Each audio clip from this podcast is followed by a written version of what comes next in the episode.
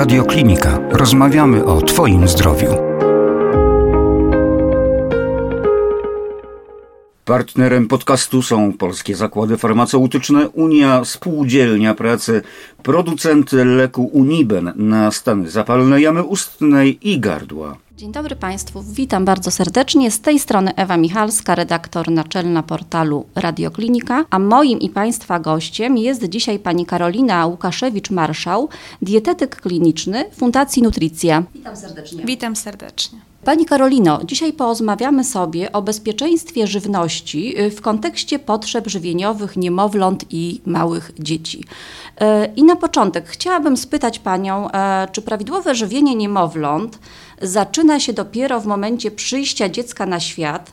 Co z dietą mamy, kobiety ciężarnej?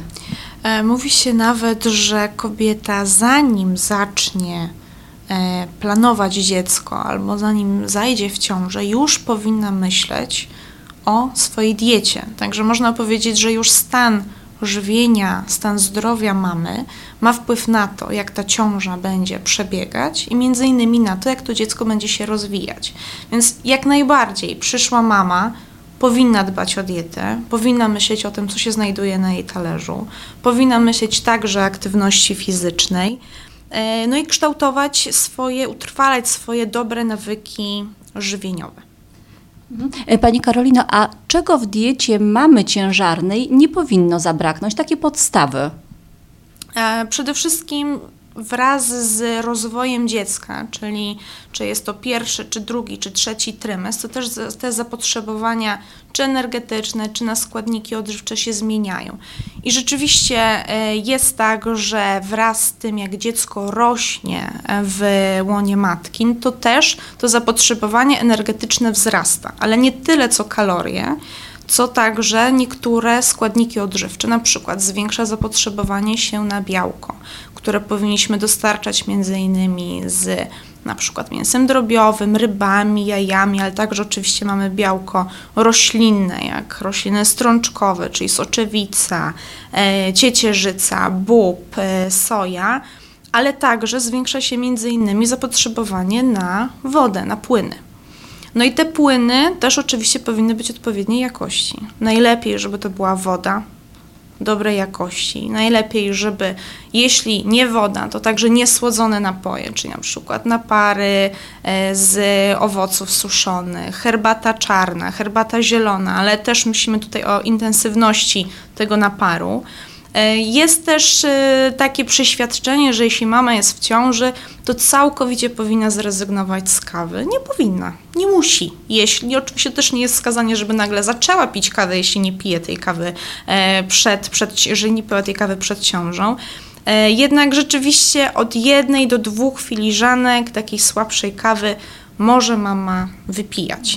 I na co zwracamy uwagę? No na to, na zawartość cukru. Czyli jeśli kawa, jeśli herbata, no ideałem by było, żeby tych produktów nie słodzić, tych napojów nie słodzić, zwłaszcza jeśli mama na przykład boryka się z e, zaburzeniami e, gospodarki węglowodanowej, na przykład z cukrzycą ciężarnych. Mhm. A jeżeli wybieramy wodę, bo taka mi się wydaje ta woda y, najbezpieczniejsza w sumie dla mamy, to czy jest to woda y, źródlana, czy raczej zalecacie tutaj Państwo wodę mineralną? Też dużo zależy od tego, bo mamy tyle tych rodzajów wody i wysokowapniowe, wysokosodowe. E, tą wodę rzeczywiście dobrze by było, żeby lekarz zalecił albo dietetyk w oparciu też o wyniki badań, bo jeśli na przykład mama ma podwyższone ciśnienie tętnicze, no to woda, która będzie miała bardzo wysoką zawartość sodu, będzie dla tej mamy nieodpowiednia. Mhm. A co z suplementacją? Jest coś potrzebne w trakcie właśnie ciąży? No w kolejnych trymestrach pewnie też to się zmienia, tak? Tak. E, zwiększa się zapotrzebowanie między innymi na żelazo, czyli to jest składnik odżywczy, który wpływa na rozwój poznawczy u dziecka, e, wpływa na procesy krwiotwórcze. Zwiększa się też zapotrzebowanie na przykład na jod. E, gdzie jest najwięcej jodu w polskiej diecie? No, w soli jodowanej. Ale to też nie oznacza, że tą sól nagle trzeba dodawać do każdego posiłku, bo to też nie o to, nie o to chodzi.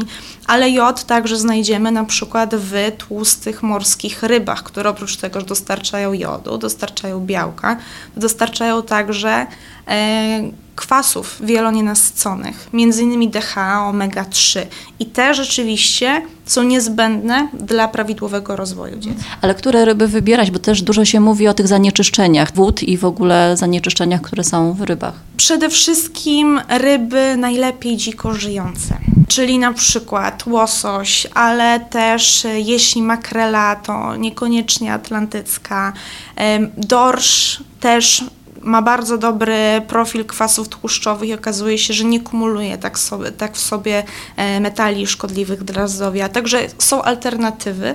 Jest oczywiście też grupa e, kobiet, mam przyszłych, która tych ryb nie je. Albo nie lubi, albo jest na diecie e, wegetariańskiej, wegańskiej. Oczywiście w tym momencie pojawia się możliwość suplementacji.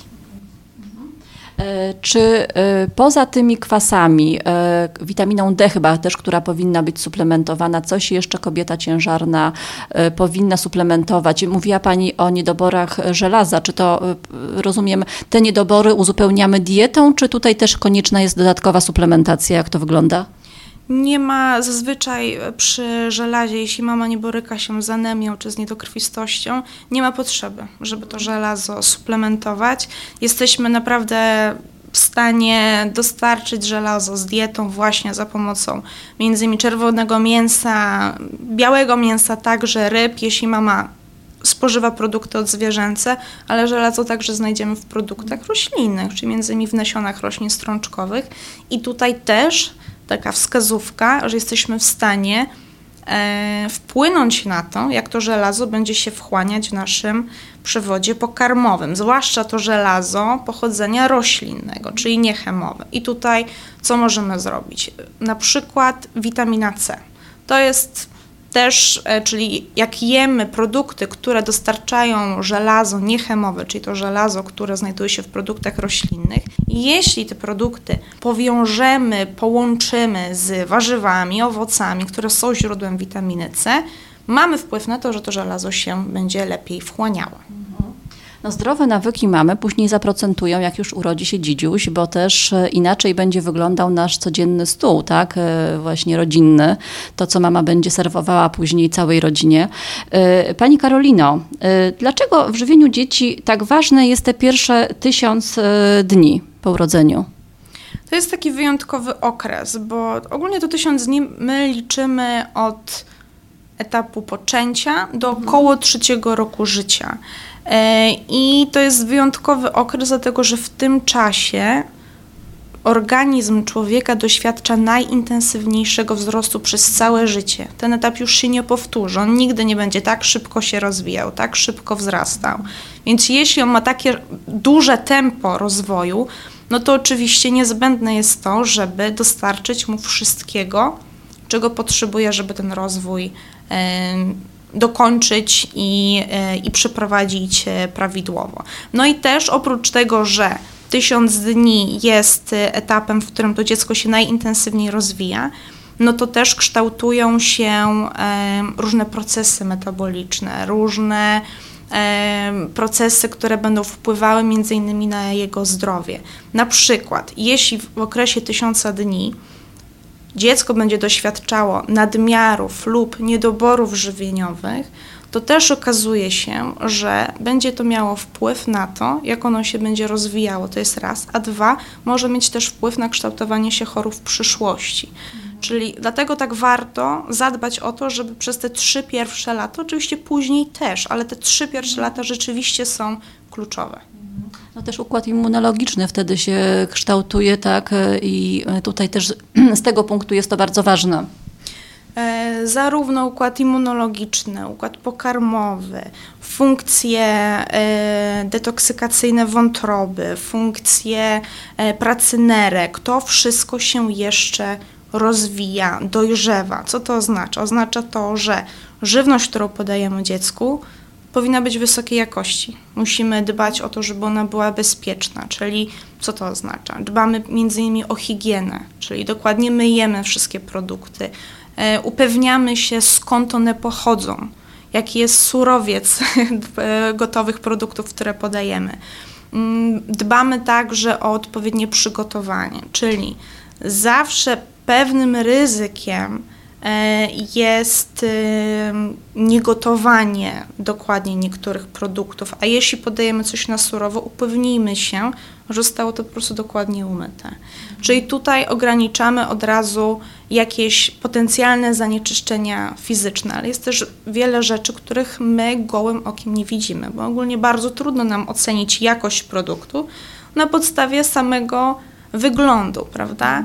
Więc e, na przykład, e, jeśli e, chcielibyśmy użyć jakichś wygodnych rozwiązań, no to też żywność, która jest dedykowana niemowlętom i małym dzieciom, ona też ma określone wymagania żywieniowe, czyli to nie jest do końca ten sam słoik, co dla dorosłego. To nie jest ten sam suszony produkt, który zalejemy wodą i otrzymujemy ten sam produkt.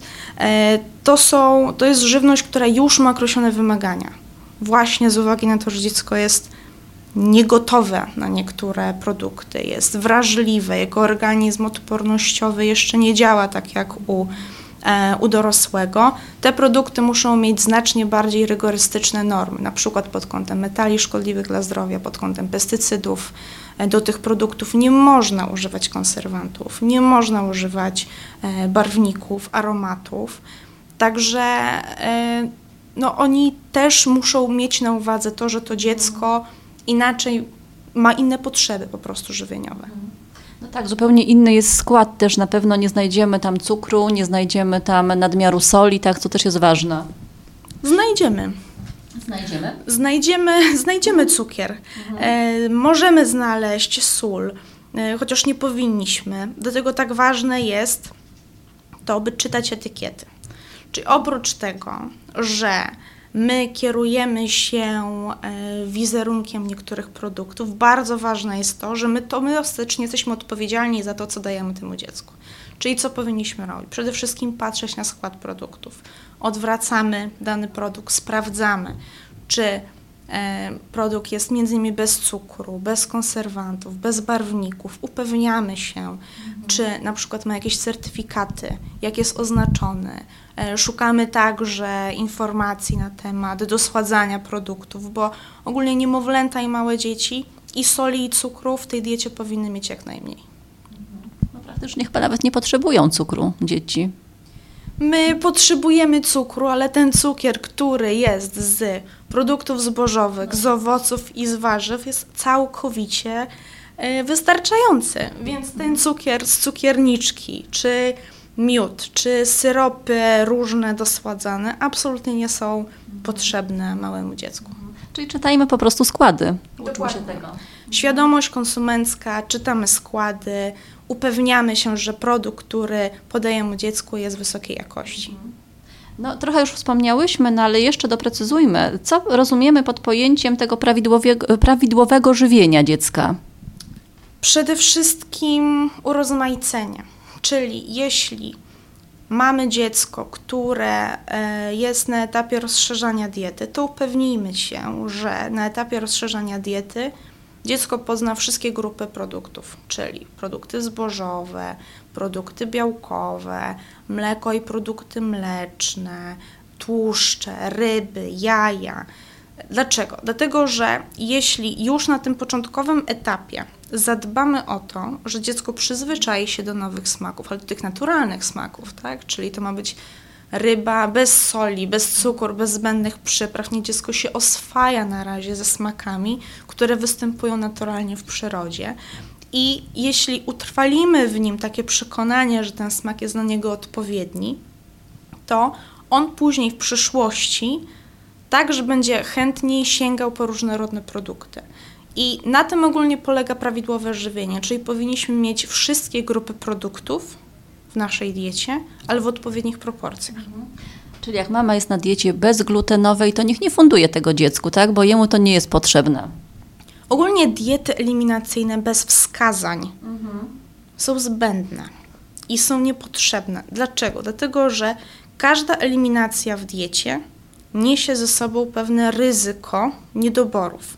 Jeśli oczywiście mamy do czynienia z nadwrażliwościami pokarmowymi, z alergiami, z nietolerancjami, no to ta eliminacja jest konieczna. To jest, to jest też sposób leczenia, sposób terapii, prawda? Tak. Jednak jeśli e, sami eliminujemy pewne rzeczy i co gorsza, eliminujemy i nie wiemy, czym to zastąpić, to wtedy jest problem. Bo jeśli usuwamy na przykład produkty białkowe odzwierzęce, załóżmy mięso, ryby, jaja, i nie zastępujemy tych produktów białkiem roślinnym, to już się narażamy na pewne niedobory w diecie. Bo kluczem diety eliminacyjnej jest to, że my coś z tej diety zabieramy, ale szukamy alternatywy dla tego produktu. Jaki Pani ma pogląd na temat żywienia dziecka e, taką żywnością, no można powiedzieć, z rodzinnego stołu, czyli w momencie, kiedy brat, starszy, siostra, rodzice jedzą pizzę, jedzą e, jakieś e, właśnie dania, które są dla nich odpowiednie, czy takie dziecko może próbować tego, tego typu dań, czy raczej jest to niewskazane? Czy ono powinno dostać oddzielny posiłek? Dieta rodzinnego stołu ogólnie zazwyczaj jest źródłem cukru, soli, tłuszczów nasyconych i pokazują to badania, że te błędy żywieniowe się powielają. Mamy cały czas odsetek rosnący osób z nadwagą, otyłością i to też niestety świadczy trochę o tym, jak my się odżywiamy. Jeśli rodzice e, odżywiają się niezgodnie z zaleceniami, e, używają e, dużo soli, dużo cukru, dużo w swojej diecie mają wiele nasyconych kwasów tłuszczowych, czyli właśnie tych pochodzenia zwierzęcego, no to ta dieta nie jest odpowiednia dla dziecka. Czyli pod, pod, pod e, taką e, hasłem niech próbuje wszystkiego, rozumiemy, niech próbuje wszystkiego w, w, momencie, kiedy to jest zdrowa, odpowiednia żywność. Niekoniecznie ma być to, nie wiem, pizza e, czy coś, co jest półproduktem, tylko odgrzanym w domu przez mamę. Jak najbardziej. Niech próbuje wszystkiego, co jest zdrowe, co jest w piramidzie żywienia. Niekoniecznie to muszą być produkty przetworzone, wręcz przeciwnie. Po co? Już od najmłodszych lat proponować dziecku coś, co jest zbędnie dosalane, dosładzane e, albo jest źródłem różnych dodatków do żywności. Powinniśmy utrwalać dobre nawyki żywieniowe. Jeśli na przykład rodzina je na obiad pizzę i wiadomo, czasami e, się zastanawiamy, a czy niemowlę by pewnie też by tak mu smakowało, ta, ta smakowała ta pizza, bo przecież cała rodzina je. Przecież ona się... jest z warzywami, prawda? Albo, że wszyscy, wszyscy lubią pizzę, no to on też polubi, ale nie powinniśmy się kierować w ogóle naszymi preferencjami, by zaproponować dietę niemowlęciom. My jesteśmy zupełnie do innych smaków przyzwyczajeni. To dziecko nie wie, jak smakuje solone, jak smakuje bardzo mocno dosładzane. Jeśli my zostaniemy przy tych naturalnych smakach przez dłuższy czas, to jest szansa, że ta żywność przetworzona w przyszłości nie będzie tak atrakcyjna dla tego dziecka. To ja powiem na przykładzie własnego syna. Mój syn w ogóle e, nie znał słodyczy, dopiero niestety w szkole podstawowej koledzy, którzy obchodzili, koleżanki e, urodziny, zapoznali e, syna, co to znaczy cukierek, tak, czy, czy, czy inna słodycz. Natomiast syn z lubością wcinał takie szpinak w słoiczkach, taki, z takiej żywności dziecięcej. I to była jego ulubiona potrawa w wieku trzech lat. Więc te nawyki po prostu gdzieś tam się właśnie ukształtowały, że nie, da, nie dawaliśmy synowi ani napojów dosładzanych, ani takiej żywności właśnie, która zawiera w składzie cukier. I to procentuje. Jak najbardziej to procentuje, a myślę, że powinniśmy utrwalać no, najchętniej te zachowania żywieniowe, które jednak będą wpływać pozytywnie na nasze zdrowie, a nie negatywnie. Dokładnie. Pani Karolino, jeszcze tak spytam o metody obróbki, jakby takie tutaj preferencje e, tych pierwszych ty e, tysiąca dni, tak, bo o tym rozmawiamy. E, żywność smażona, gotowana, duszona, pieczona. E, powiem tak. Mm, smażone, no jak najmniej. Po prostu, jak najmniej. Może być pieczony, ale jeśli pieczony, głównie w rękawie, czyli dbajmy o to, żeby ten tłuszcz, który się albo wydzieli z tej potrawy, e, nie był podgrzewany do bardzo wysokich temperatur. Czyli jeśli pieczemy, to raczej w kierunku zatrzymania pary wodnej, żeby, żeby ten produkt się upiekł e, w swoich własnych sokach. Dusimy jak najbardziej, gotujemy jak najbardziej. Nie muszą to być potrawy wyłącznie gotowane na parze, bo często, sami, często, często też jest czasami takie przeświadczenie, że dziecko delikatne, dziecko wrażliwe to wyłącznie e, warzywa czy, e, czy ryba na parze. Nie, musi tak to wyglądać. Dziecko może jeść surowe warzywa, dziecko może jeść surowe owoce. To nie musi być wszystko nie wiadomo po jakiej obróbce termicznej. Jednak, że no, odpowiednie przygotowanie, mam tu na myśli mycie, e, Często, jeśli dziecko też nie radzi sobie z odpowiednimi konsystencjami, z większymi cząstkami, po prostu drobniej kroimy, nie smażymy, bo to nie jest dla nikogo zdrowe. I to nawet nie chodzi o to, że to jest małe dziecko, ale dla dorosłych czy dla młodzieży produkty smażone też nie są zdrowe. Więc po co zaczynać od razu z tego wysokiego C? E, a Odnośnie takich gotowych produktów, które są przeznaczone, stricte przeznaczone właśnie dla małych dzieci, e, to już trochę Pani wspomniała, tak, żeby też patrzeć na te składy. Na co jeszcze zwracać uwagę? Możemy zwracać uwagę oczywiście na oznaczenie wieku na opakowaniu. Czyli e, czy jest to produkt po szóstym, po ósmym, po dwunastym miesiącu. E, dlaczego? Między innymi dlatego, że jeśli są to dzieci w początkowym etapie rozszerzania diety, czyli wcześniej ich dieta była oparta wyłącznie na mleku, mleku mamy albo mleku modyfikowanym, no to podawanie od razu dużych, twardszych cząstek może być dla niego problematyczne. I rzeczywiście zalecenia mm, polskie, jak i e, WHO mówią o tym, że warto zaczynać od konsystencji bardziej gładkiej, miękkiej, jest ona po prostu łatwiejsza dla dziecka właśnie w tym początkowym etapie.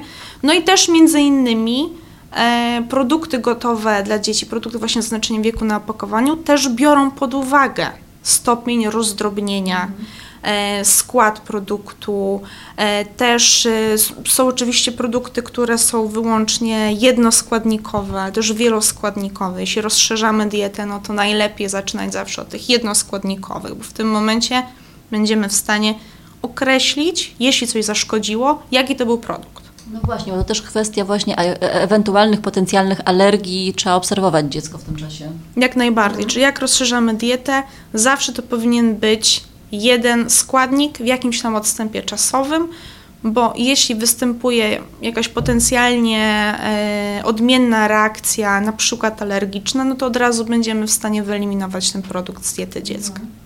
W momencie, kiedy już mamy te preparaty wieloskładnikowe, takie gotowe, bezpieczne dla dziecka, e, to w którym momencie też, bo to można łącznie wprowadzić, tak, te produkty gotowe plus rozszerzanie diety o te właśnie surowe warzywa, owoce, żeby też dziecko miało e, styczność z taką konsystencją, ze strukturą pokarmu, uczyło się. Jak najbardziej. Często, często to jest tak, że. Mm, niektóre mamy, czy niektóry, niektórzy opiekunowie mówią, że albo dziecko dostaje wyłącznie domowe jedzenie, albo wyłącznie e, jedzenie, które już zostało stworzone z myślą e, właśnie o tych najmłodszych. Ale to wcale nie musi tak wyglądać, bo te produkty, e, czy zarówno nasze, które przygotowujemy w domu, czy produkty, które możemy dostać już w sklepach, stanowią także urozmaicenie diety więc y, możemy łączyć te rzeczy. To jest też oczywiście pewnego rodzaju wygoda, bo one już są przygotowane, zbilansowane, łatwe do podawania, zwłaszcza w podróży. Tak? Właśnie o tym chciałam powiedzieć, że w momencie, kiedy wybieramy się po, w podróż, to bezpieczniej też jest, mieć takie gotowe preparaty, do których dziecko jest przyzwyczajone i których smak już toleruje i zna. Dokładnie, których smak zna i które lubi, bo e, też takim ważnym elementem rozszerzenia diety jest to, że jeśli podajemy coś nowego, nieznanego, to dobrze by było, żeby jednak być bliżej e, takiego otoczenia, w którym dziecko czuje się komfortowo, stabilnie. E, bezpiecznie, więc wszystkie e, imprezy, mm, wyjazdy, jakieś intensywne wakacje nie do końca są zawsze dobrym pomysłem na to, żeby wprowadzać różne nowości. Bo, I często rzeczywiście e, wzięcie ze sobą produktów, które dziecko już toleruje, zna, mamy pewność, że to zje, mamy pewność, że nic się jakiegoś większego nie zdarzy, też jest dla nas komfortem, ale i oczywiście też dla dziecka. No tak, jest to też wygodne i w Pani są też różne sytuacje się w podróży zdarzają i to mamy pewność, że też mamy bezpieczny produkt, którym możemy tylko delikatnie podgrzać lub też niekoniecznie podgrzewać, tak? I dziecko nie będzie głodne po prostu. Jest to na pewno dużą, dużą wygodą dla obu stron, zdecydowanie. Y, a jeszcze mam y, Pani Karolino takie pytanie, mm, bo y, tak czytając różne fora dla rodziców, widzę, że są bardzo częste pytania, co na odporność, teraz mówimy, mamy okres jesienno-zimowy, tak? Czy takie dziecko w tych pierwszych no, tysiącach, no, do trzeciego roku życia, ono potrzebuje jakichś dodatkowych preparatów na odporność? Czy to wystarczy tylko zróżnicowana dieta? Jak to wygląda? Badania pokazują, że jeśli dostarczymy dziecku wszystkich składników odżywczych, które potrzebuje on w tym momencie, no to taka dieta będzie wspierać jego odporność. Co to oznacza? Oznacza to, że jeśli dziecko jest żywione prawidłowo, nie musimy szukać w aptekach preparatów na wzmocnienie odporności dziecka, ale oprócz żywienia są też inne zachowania, które wpływają jednak na to, że ta odporność jest lepsza. I co to jest? Oczywiście odpowiednie ubieranie się, e, odpowiednia też aktywność fizyczna, bo aktywność fizyczna także wpływa na nasz układ odpornościowy. Ale co jest jeszcze bardzo ważne, sen, czyli odpowiednie wysypianie się, także wpływa na kondycję naszego organizmu oraz także na walkę z potencjalnymi drobnoustrojami, z potencjalnym osłabieniem. Wracając do diety, no to jakie składniki tutaj będą miały szczególne znaczenie? Oczywiście witamina C, ale witamina D, która jest głównie kojarzona z naszym układem kostnym, zębami, ale okazuje się, że ona także wspiera naszą odporność.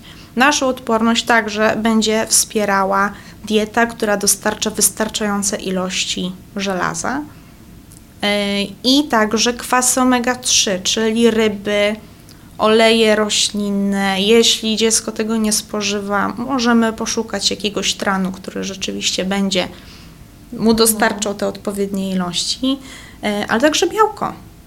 Bo białko do czego jest nam potrzebne? Białko przede wszystkim e, jest nam potrzebne do tworzenia przeciwciał, bo przeciwciała to, to, są, to są produkty pochodzenia proteinowego oraz także zdolności wszelkie regeneracyjne, czyli zdrowienie Czyli jeśli też już jesteśmy przeziębieni, jesteśmy chorzy, to ta dieta prawidłowo zbilansowana także pozwala nam szybciej wyzdrowieć. Czyli nie tylko prewencja, nie tylko zdrowe odżywianie i utrzymanie dobrego stanu zdrowia, ale także szybsze zdrowienie. No i dieta też taka prebiotyczna, czyli prebiotyki, które głównie też pochodzą właśnie z warzyw, prawda? Jak najbardziej. Nawet y, jest takie powiedzenie, że odporność zaczyna się w jelitach. Jest to prawda, bo blisko od 70 do 80% komórek odpornościowych znajduje się w naszych jelitach. Y, to jest duże zaskoczenie, y, ale rzeczywiście mm, dlaczego się tak dzieje? Dlatego, że w naszych jelitach i nie tylko w dorosłych, ale już oczywiście u dziecka, u tego niemowlęcia także od pierwszych chwil, no, bytują drobną stroję, które nazywamy mikrobiotą jelitową. Rzeczywiście ta mikrobiota jelitowa to są zbiór organizmów, każdy ma inną mikrobiotę jelitową, nie ma też jednej odpowiedniej, idealnego składu, to wcale tak nie działa, e, ale możemy oczywiście wpływać na to, jak ona będzie się kształtować. I oczywiście najbardziej zależy nam na tym, żeby potencjalnej chorobotwórczej, e, chorobotwórczych drobnoustrojów było jak najmniej na korzyść tych dobrych, tak, które wpływają jednak na nasz dobrostan, na naszą odporność, ale także na trawienie. No i najważniejsze jest to, żeby ją prawidłowo wspomagać między innymi e, składnikami odżywczymi i mam tutaj na myśli składniki prebiotyczne. Prebiotyczne, czyli żywność dla tych drobnoustrojów, czyli pokarm dla bakterii probiotycznych. Żeby one mogły dobrze się rozwijać i żeby były silne, żeby nie zdominowały ich te chorobotwórcze, tak mówiąc obrazowo, tak? Tak, tak. Mówiąc, obrazowo, rzeczywiście, rzeczywiście chodzi o to, żeby je także dobrze odżywić. E, I tutaj e, mam na myśli innymi oligosacharydy, które znajdziemy w produktach węglowodanowych, czyli na przykład w produktach zbożowych, w niektórych warzywach, w niektórych owocach.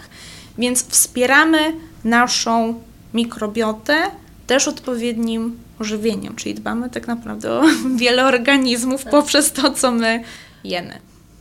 Okej, okay. czyli no właśnie, tutaj już mówiłyśmy, to jest też styl życia, styl życia mamy, dziecka, rodziny. E, to, co Pani mówiła, co jest bardzo, bardzo ważne i też na radioklinice o tym e, nawet rozmawialiśmy z jednym lekarzem, ten prawidłowy sen.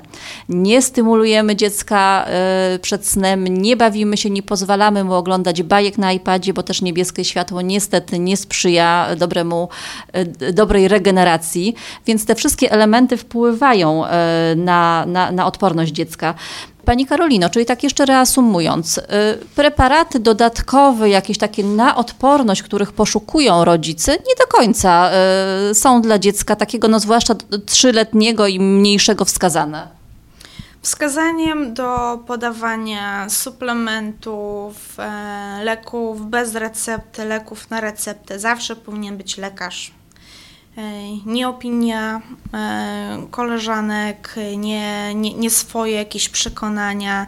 Jednak to jest młody organizm, wrażliwy organizm i jeśli już podajemy jakieś produkty medyczne, warto się naprawdę upewnić, że są one wskazane. No chyba, że preparatem na odporność będzie, nie wiem, domowy sok z czarnego bzu. Tylko też wiadomo, nie przesadzajmy z ilością. Czy takie inne, naturalne po prostu produkty spożywcze. E, myślę, że możemy tutaj e, sięgać między innymi do warzyw e, cebulowych, czyli cebula, por, czosnek. Tutaj pewnie e, można się złapać za głowę, bo przecież to są produkty zdymające, ciężkostrawne i dziecko nie powinno tego jeść. Dlaczego nie? W małych ilościach powinniśmy przyzwyczajać dziecko do przyjmowania różnorodnych produktów. Owszem, ta cebula czy ten por będzie wzdymający w większych ilościach, ale jeśli będziemy sukcesywnie zwiększać dawkę, łączyć te warzywa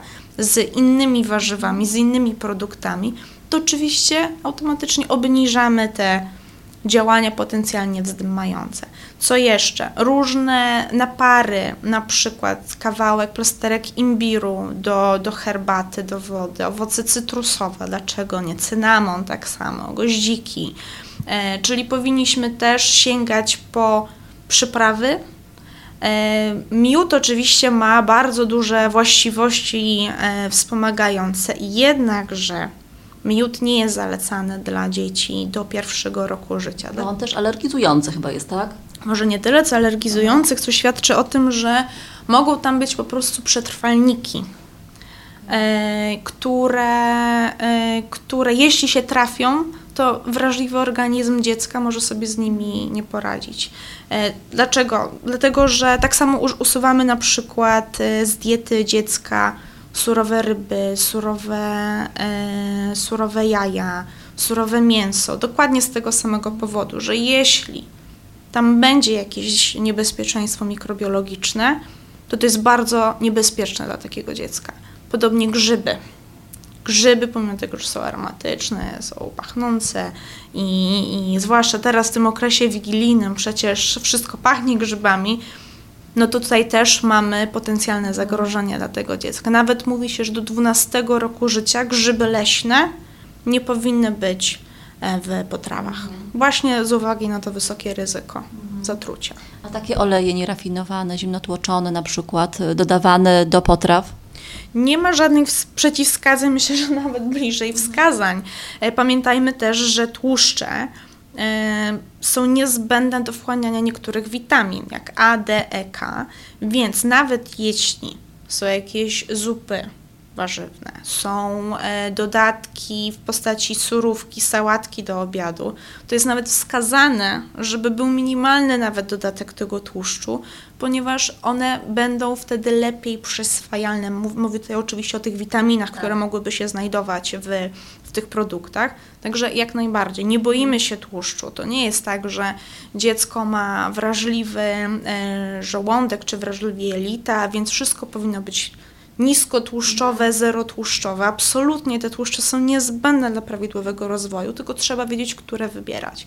Czyli bliżej idziemy w kierunku olei roślinnych, w kierunku, jeśli e, tłuszczów zwierzęcych, to raczej nakierujmy się właśnie na ryby mhm. niż na czerwone mięso. Jasne. No i zamykając temat, jeszcze spytam, bo to też jest taki bardzo często powielany temat i często są też pytania e, e, od rodziców w zakresie, czy podawać dziecku probiotyki. Ja wiem, że to już tak e, jako dietetyk kliniczny nie do końca pani tutaj zajmuje się tym tematem, tak? No ale właśnie, no mówiliśmy o prebiotykach, wspieranie tej mikrobioty jelitowej, natomiast ja osobiście uważam, że no, probiotyki niekoniecznie jako wsparcie odporności? Probiotyki zawsze powinny być konsultowane z lekarzem. I yy, ja wiem, że na rynku jest bardzo wiele rodzajów, ale one też mają różny skład. Są probiotyki złożone z jednego szczepu, z wielu szczepów, z czterech, pięciu i naprawdę zostawmy tą decyzję dla lekarza. No właśnie, tym bardziej, że tak jak Pani mówiła, są różne szczepy. Jest coś takiego jak szczepozależność, czyli nie każdy probiotyk jest na wszystko, tak? A już tym bardziej na odporność. Też musimy mieć e, o tym pamiętać. Takim wyjątkiem jest na przykład, no nie wiem, antybiotykoterapia, kiedy pewne probiotyki, które są lekami, powinny być włączone, tak? Ale tu już mówimy o infekcjach po prostu. Mówimy o infekcjach jak najbardziej. Rzeczywiście e, podawanie probiotyków zawsze powinno być łączone z antybiotykoterapią, ale to także jest do decyzji lekarza. To on powinien zdecydować, który preparat dla danego dziecka w oparciu o jego stan zdrowia, w oparciu o jego jednostkę chorobową i w oparciu pewnie także o antybiotyk powinien być podawany. Pani Karolino, bardzo Pani dziękuję za tą rozmowę. E, tak reasumując, e, kolorowo, różnorodnie, bezpiecznie, e, tak i, świadomie. i świadomie. I świadomie, jak najbardziej. Czytajmy składy, upewniajmy się, co podajemy dziecku, wybierajmy produkty najlepszej jakości, no i myślmy o tym, że to nie jest mały dorosły. To jest dziecko, które musi jeszcze wiele nadrobić, jego organizm także. Ale pojawienie się takiego małego dorosłego w domu to też jest szansa dla reszty rodziny, że te nawyki żywieniowe się jednak zmienią na lepsze. Jak najbardziej. To jest rzeczywiście moment na to, żeby cała rodzina pomyślała jeszcze raz od podszewki e, na temat prawidłowego żywienia. Pani Karolino, bardzo dziękuję. Moim i Państwa gościem była pani Karolina Łukaszewicz-Marszał, e, dietetyk kliniczny Fundacji Nutricja. Dziękuję serdecznie za rozmowę. Partnerem podcastu są Polskie Zakłady Farmaceutyczne, Unia Spółdzielnia Pracy, producent leku Uniben na stany zapalne jamy ustnej i gardła. Więcej audycji na stronie radioklinika.pl i w naszej aplikacji mobilnej.